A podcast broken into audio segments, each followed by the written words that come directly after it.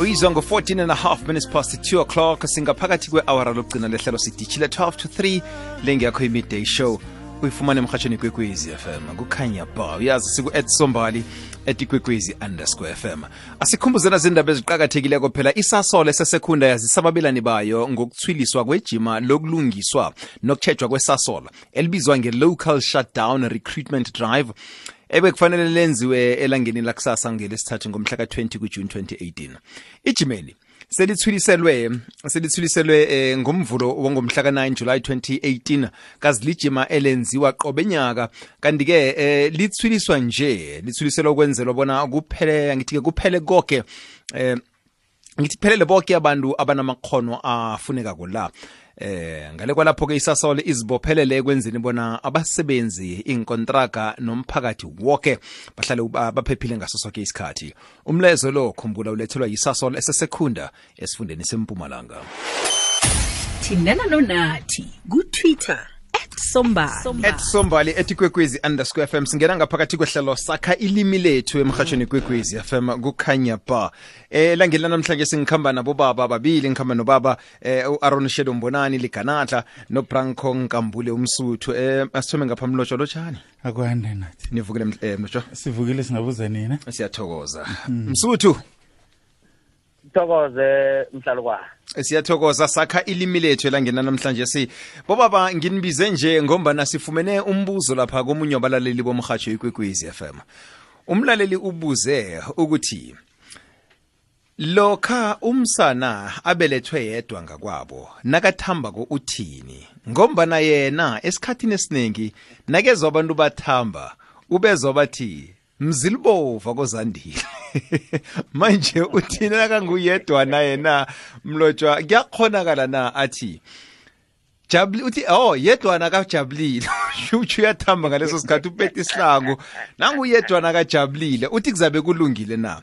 Ngifuna sithome mlotshwa ngaphambi kobana siphendule nakumbuzo na, sithome ngokuthi kuhle kuhle ukuthamba kuqakatheke kangangani eh emntwini kodwa-ke eh, endodeni lokhana ayithamba eh ibiza zakwabo ngalendlela eh qaba qakatheke kakhulu kwamambala. Khulukhulu ke eh, kuveza mhlawumbe ubuqhawe nanyana ubukutani bomuntu.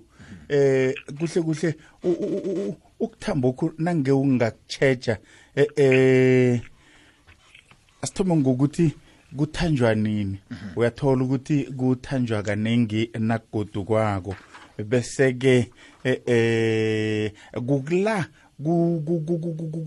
mhlambe kutshengiswa ubuqhawela lo baloyo ogodukako. Kanenganyana ke eh, eh, ngoba naye isithambo uzosithola. Njeke ke kuqhakathekile kuveza ubukutani bomuntu nepini ngaphambilini kade kade buveza ubukutani bomuntu kungebangelo. Eh eh sekuthi ke zakhe siveze ngokufana simadoda eh kaba usakuvumelana nawo abanye bathi nangwami nangwami. Eh abanye bathi husa husa mm -hmm. eh pheze la eh, eh, mina ngikhamba khamba khona mm -hmm. eh, laswisela khona sitsho njalo thina yeah. husa husa bese ke umuntu uya uya utsho abahali bobukutani bakhe mhm. manje mm -hmm. Eh ithi ithi ngi- ngi- ngijamise lapho qaba nginga- ngingayi phambili khulu ngoba nje umbuzo bese uthi kuqakatheke kangangani? Pendulo ithi kuqakathekile ngoba kutshengisa ubuqhawe bomuntu. Be- bese-ke ngize kuwe msuthu ngabomu nje phezu kwanaliphuzo liqeda kuvezwa ngumlotshwa um lokuthi abanye bathi abanye babuye bathi. Lokho kutsho ukuthini? Kutsho ukuthi si- sikhambe sahluka ngaleyo ndlela simandebele. Namtshana eh yindlela ezi- zindlela ezihlukahlukeneko esizisebenzisako um ukuveza nasinto engaphakathi kithi nge- ngendlela zethu ezihlukileko angitsho njalo. Awa ngingakawuphendule enginqophe kiwo. Angibuyele lapho umlotsho waveza khona bona yinto ebeyithengisa ubuqhawe ubukutani nobuhali bomuntu nabuya epini. Njengoba engitsho bona ngokwanamhlanje umuntu omutsha ufuna unande umhlephulela godu ngelimi labayeni ngelimi labayeni njengokuthi ukuthamba lokhu yi-celebratory ngeke kuhle ngesikhuwa vane sikhulumisa iye. Kungokokucelebrate alo zizinto ebezikhambisana nomhubo nakiwa epini. Ngikho nawuthambako ubeke emkhumbulweni nakho isithombe enga ubethana naso uyaphosa uyavika. Mm. Ubesitsho lokho nje umlotsho nakakhuluma ngo- ngo- ngokuthi yinto ebeyitshengisa ubuqhawe nobukutani kukuthumba komuntu lo nempumelelo yakhe. Alo? Sekuphele izipi kwaba yinto esebenzisa etshengisa ukuphumelela nokugidinga kukababa. Ekhaya kuthamba ubaba kuthamba isokana Mhm. Mhm. nge- nge- ngezinto abaqalene nazo kwafika lapha afika khona kuphumelela lento ese ingiyo ithathelwa namhlanje. Bese ke uyagidinga nenza njalo. Umbuzo wakho uthi sesikhambe sahluka kangako na? Isithambo lesi umuntu lona kagidingako ama ama amezwi awakhuphako la asifungo. Obize umzilika um, azibiza bona ikombovu yakozandile nje kungombana ufunga ngozandile loyo. Asimazi uzandile lo bona ngudadewabo of umntazana u- ongurhariakho othandwako ekhabo mhlawumnye ngumrhariakhe likayise ngombana wa- wayenikelwe nguyise sithambo leso. Ufunga ngaye. Kodwana isifungo lesi sokuthamba ngombana ikugidinga isisiga. Omunye nomunye umndeni ngokwekoro ungaba nesiga esithize ofunga ngaso esizokunikelwa umntwana njengesifungo sikayise njengesifungo sikabamkhulu wakhe na- nofana njengesifungo sendlu namtshana ikoro yekhabo. Ngizokubuza ngabomuke mlotshwa ngiyazi umbuzo lo uzongibethisa ngabantu kodwana ke em kunabentwana abathi bona bakhuliswe bomma mhlawumnye umama umkhuliswa ye umkhulisa yedwa ngusara. Umntwana ufuna ukutsho ukuthi eh nkosinathi akasara. Ngi- ngi- ngiya ekutheni ku- ku- ku- njengomba nakuhamba isikhathi nje kufika kuphi la kuchuguluka khona isithambo si- sikhulume njengoba na em ipendulo ithe i- ku- ku- kuyinto yokuveza ubuqhawe bami. Manje nakubona into yokuveza ubuqhawe bami ifika nini la ichuguluka khona iba yinto eqoqa nganazi izinto mne ngibuya kizo eziqalene nami? Eh nathi a- a- a- asiyenze nje. Eh kanenganyana eh uthola abantu bekhethu ngesinto bathi eh ithambo zimbili ekhaya. Your call has been placed on. Eh ngesika ngesikaba mkhulu nesikababa eh sesikhulume ngabo nje into eyaziwa umuntu ukuthi alo nak- nakunesikaba mkhulu nesikababa sami mina mntwana ngisiphi? Ipendulo bese ithi ke sakho nge- nge- ngesikaba mkhulu wakho.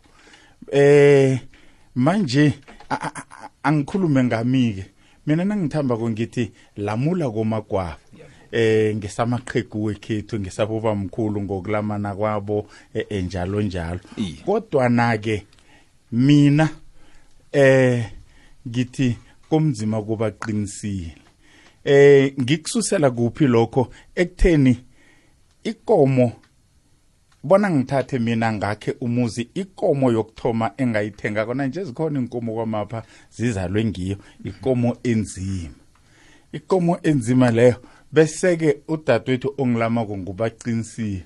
Bese mina ngithi komzima kobaqinisile ngo- nge- nge- ngekwami ngokuvela kimi lokho.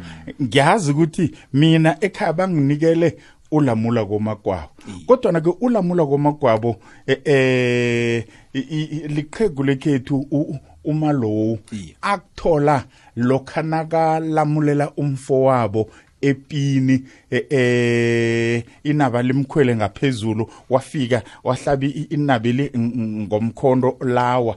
Kukula abangulamula komagwabo walamula inkunzisilo ngathana wazilisa beza kubona. Nguye loyo. Manje kuthiwa sithambo sethu a- a- asinakinga nalokho. Nokho ngi- ngi- ngi- ngifuna ukuvuma nawo nokuthi ithambo ziyachuguluka kufika kuphi la sichuguluka khona. Manje ke u- u- u- uthola ukuthi ah akusanazenzo ezimbi kangako eqaba akusaliwa wobethu umuntu ngepama msukela wenzani uyabotshwa wenza A- a- a- njeke ke eh, ngikho pheze eh, se- sekufuna sesijame khona ke- ke- ke- kodwa sibabantu siyafunda mlotshwa ukhulu- ukhulumisa ukhulumisa ubuqhawe phela. sibabantu siyafunda. Selafundileke um ubranco abe ngusonjiniyere wakonofanezile. Msuthi ufuna ukuthi ungangezelela uthini? Kunaliphuzu elivezwa ngumlotshwa awa injalo ngombana isifungo lesi sisifungo ngesiga esenzekileko. Into eyenza kwaphela bona zingasabi kangako ngobana ingasi bona azikho lapha zithuguluka khona zikhona nje zithuguluka asisanalo kangako ikhono lokuklama siye phambili ngoba uthola bona nakwenzeke isiga esithize emzini bekubonakale bona sisiga esibatshazwako kungabi umuntu okuhamba naso akhe ngibeke mhlawumbe njengokuthi uthi wena yise lomntwana eh ngokwesiko lethu ukuhamba usiyokunikela umntwana ikhambo uvelelwe siga esithize bekubonakala ukuthi nangathanda bengomunye umuntu ubungazukufika ugcine ufikile. Ukhona ukuthi na ukhupha isithambo uzibonga wena ufunge into ipi owayilwako wakhona ukuputla hlangana negebengu bayokufika emntwaneni. Khibe kabaningi vele ngekhe bafike. Leso iyoba sisenzo nesiga ofunga ngaso ngaso sonke isikhathi nawugidako nawuthambako. Nokokwenza bona abantu abakho nabakhuluma ngawe bakhumbule amagama layo ibe sisiga somzi loyo abafunga ngaso angibuze-ke nakho umbuzo ngobuzwe mlaleli-ke lo sesiyakiwo sinqopha phezu kwawo. Mbuzo obuzwe ngulina thwala nakathi umuntu nakathi yedwana kajabulile. Mhlawumunye ngabomu asithi athi yedwana wakojabulile mlotshwa. Uza kuchapheni eh akunamuntu owalelwako. Ngombana kuya ngokuthi eh, eh, eh, ku- ku- ku- kumthinte kangangani? I- isitsho lesi asitshoko simthinte kangangani? Siqakatheke kangangani kuye? Wenzeni nanyana wenzelwe ini ngaso? Ng- akunamraro. Msuthu. Asikhulume ngokuthamba-ke. Bona-ke la kanti kusuke kuyini le? Sithoma sikhuluma ngokuthi ekhabo layo indabuko yayo namhlanje seyenzelwa nakuneminyanya kungena igwabo. Kanti igwabo lalivele likhona iba ligwabo ngokwegwabo ekufuze liyokungena isimu liyokusebenza isimu thize yakwazibani nofana isimu yekosini kuthunyelwa igwabo. Bese-ke kuba negwabo elisukako likhamba ngesiga esithize liyokusahlela ingaba ngokokusahlela kwepi nofana kungokokusahlela kokuyokuphalisana? Konke lokho nakwe ingoma ezivunywako kwakuvunywa ingoma zepi kuvunywa umhubo nakuthingwa khona. Ekuvunyweni umhubo kufike kwenziwe into eyenziwako lapho nase kuthiwa kuphelile sekuthonywa kuyagidingwa siyathamba. Ukuthamba ukugidinga. Into ekhona nokho elimini lethu sizithola sisebenzisa ukuthamba sikubeka bona kunqothiswe kwaphela kilokhu kugida navane kunomnyanya. Hawa na uyokuthamba hayi ugidinga into obogade uyenza nofana into oyenzako. Hmm. nakufika lapha-ke lo obelethwe ayedwa azibona bona yena angafunga ngonina akumaleli lokho. Akumaleli nakancane. Yinto afunga ngayo. Njengomana umntwana yena-ke njengoba nakathulela umlotha uyothi nakasikhuphako lesi sifungo ayizukuba sifungo somntanakhe. Mm. iyokuba sifungo somntana omntanakhe oyokuthi yedwana kasara ngombana ubamkhulu wakhe omnganakhe ufunga utsho njalo. Oh, oh yeah. Yeah awayihlisi izabe ingasasho ukuthi umntwana omntanakhe lo nguye obelethe yedwa-ke ni.